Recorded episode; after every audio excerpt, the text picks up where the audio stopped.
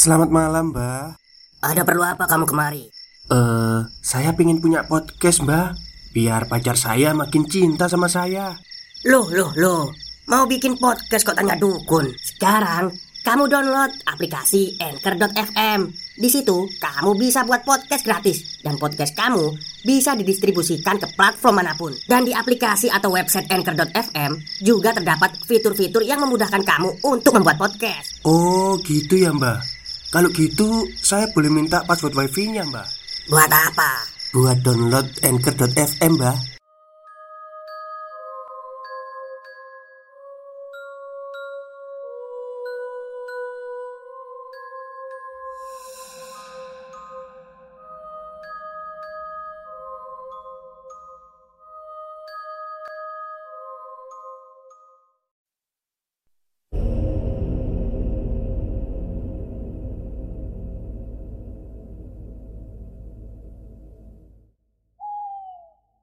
Assalamualaikum warahmatullahi wabarakatuh. Halo semuanya, jumpa lagi dengan saya Chow Sing Sing Kurator dari Podcast Horror Night Story. Halo, apa kabar semuanya? Semoga kalian semua sehat-sehat ya. Dan seperti biasanya, pada malam hari ini Saya kembali dan akan menghadirkan sebuah kisah mistis untuk kalian semua Kisah mistis kali ini saya dapatkan dari tweet twitternya Mbak Cinta Kirana. Yang dulunya dia pernah bekerja part time di sebuah mall Dan mengalami kejadian mistis saat di sana. Seperti apa kisahnya? Mari kita simak. Cerita ini adalah pengalaman saya sendiri saat bekerja part-time di salah satu mall di daerah Bandung. Hari itu, seperti hari Rabu biasanya, saya dan kelima teman saya, sebut saja Rido, Sulaiman, Ilyas, Angga, dan Hoir. Selepas kuliah sekitar pukul 5 sore, kami berangkat untuk kerja part-time menjadi marketing di tempat kursus dan penjualan instrumen musik di salah satu mall di Bandung. Saya adalah satu-satunya perempuan di tim marketing ini. Sebelumnya, saya mendapat informasi tentang lowongan pekerjaan ini dari teman SMA yang mengundurkan diri dan meminta saya untuk menggantikannya. Akhirnya, karena saya dan kelima teman saya pada saat itu sedang membutuhkan uang untuk biaya sehari-hari, kami pun mengambil pekerjaan itu. Kami berangkat ke mall dengan menggunakan sepeda motor. Saya berboncengan dengan Rido. Sisanya menggunakan motor masing-masing. Setibanya di sana, kami langsung menuju lantai paling atas. Tempat kursus kami memang terletak di lantai paling atas dan berada persis di depan tempat permainan anak game master. Lantai atas juga merupakan food court sehingga banyak counter-counter makanan, bahkan restoran dengan meja dan kursi yang berderet di sana-sini. Aneh memang ada tempat khusus di tempat seperti ini. Tapi bos kami memang mengusung tema bahwa musik bisa dipelajari di mana saja, termasuk di mall. Sesampainya di atas, kami membuka rolling door dan merapikan meja serta barang-barang lainnya Disusul kemudian dengan kedatangan bos. Bos kami sebenarnya bekerja di salah satu kantor swasta ternama di Bandung. Jadi Mengelola tempat kursus ini bukan sebagai pekerjaan utama Hanya sebagai hobi saja Sambil mengisi waktu sepulang kerja. Tempat kursus kami buka dari jam 6 sampai jam 9 malam. Sebenarnya hari ini tidak ada kelas tapi kami harus datang untuk meeting persiapan pagelaran musik yang akan dilaksanakan dalam waktu dekat.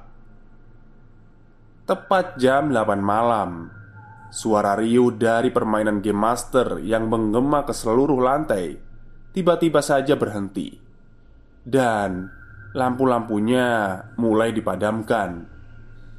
Mendadak suasana hening seketika. Saya melirik jam tangan dan merasa aneh Karena biasanya Game Master akan berhenti beroperasi di jam setengah sembilan malam Hari ini tidak seperti biasanya Food court pun tutup lebih awal dan hanya menyisakan meja-meja kosong serta kegelapan di beberapa titik. Karena merasa tidak nyaman dengan keheningan ini, bos kami mengakhiri pembicaraan dan membereskan barangnya. Yang lebih aneh lagi, tiba-tiba bos meminta kami semua ikut bersamanya menaiki lift sampai ke basement tempat mobilnya terparkir dan akan mengantarkan kami menggunakan mobil sampai ke parkiran motor yang berada di samping mall. Sedikit informasi saja, parkiran mobil dan sepeda motor di mall ini memang terpisah. Kami yang awalnya heran akhirnya mengikuti keinginan bos karena merasa segan. Kami pun mematikan lampu tempat kursus dan menutup rolling door, kemudian berjalan menuju lift yang terletak di ujung pojokan lantai atas. Di seberang lift terdapat wastafel dengan cermin besar yang memanjang. Bos menekan tanda panah ke bawah pada tombol di dinding samping lift. Tidak lama pun lift terbuka. Kami berenam dan bos serta dua pengunjung lainnya memasuki lift. Salah satu dari kami menekan tombol B1 dan hanya tombol itu yang ditekan yang menandakan kami semua hanya menuju ke basement saja. Lift ini selain lift untuk penumpang difungsikan untuk mengangkut barang juga Sehingga memiliki dua bukaan pada pintu lift. Setelah menuruni satu lantai Lift berhenti di lantai berikutnya. Tapi bukan lantai B1 Secara mekanisme kerja lift harus ada yang menekan tombol lift dari luar agar lift bisa berhenti di lantai itu. Pintu lift perlahan terbuka dari sisi yang berlawanan saat kita masuk, dan kosong, hening, hanya terlihat lorong-lorong mall yang sudah gelap gulita, dan semua toko di lantai tersebut telah ditutup. Stop, stop. Kita break sebentar. Jadi gimana? Kalian pengen punya podcast seperti saya? Jangan pakai dukun, pakai Anchor. Download sekarang juga. Gratis. Saya yang ada di samping pintu akhirnya memeriksa samping kanan dan kiri lift Memastikan ada orang atau tidak Ternyata tidak ada seorang pun di sana. Ah, mungkin saja orang yang menekan tombol lift sudah pergi menggunakan tangga. Batin saya waktu itu. Saat saya memasukkan kembali badan saya yang menutupi sensor pintu lift agar tidak tertutup, tiba-tiba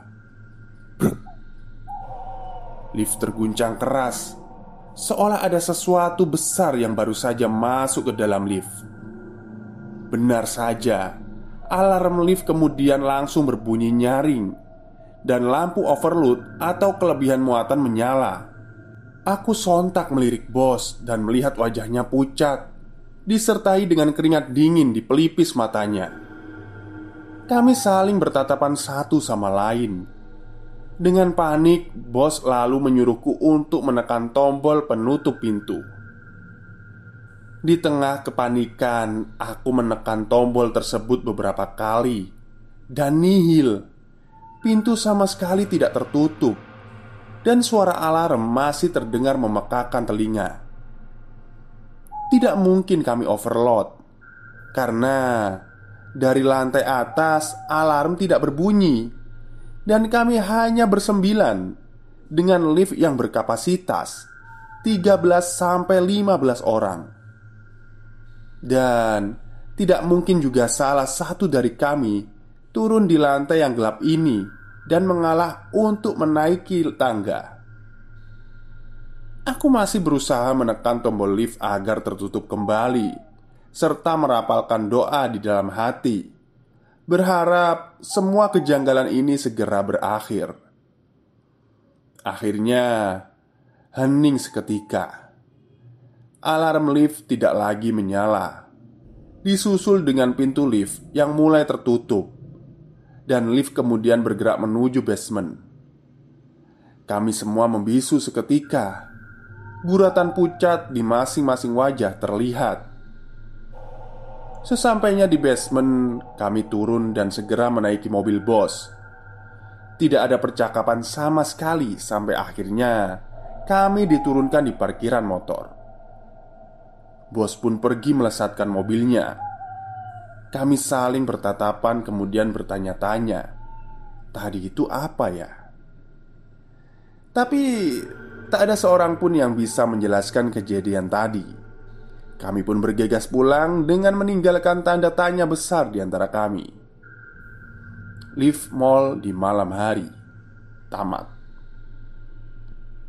Asal kalian tahu saja belakangan ini Mall tersebut sering hanya ramai sampai jam setengah tujuh malam saja Kebanyakan para pedagang memilih tutup lebih awal Ya, aneh memang untuk mall di tengah kota yang sudah sepi pengunjung pada jam tersebut. Terima kasih. Baik, terima kasih kepada Mbak Cinta Kirana atas treat horornya ya pada malam hari ini. Jadi, ya bisa jadi kemungkinan itu ada sesuatu yang ikut naik lift itu dan bobotnya juga lebih besar gitu ya mungkin ya. Atau gerombolan setan. Saya juga tidak tahu. Oke, mungkin itu saja cerita pendek pada malam hari ini. Uh, kurang lebihnya, saya mohon maaf. Wassalamualaikum warahmatullahi wabarakatuh.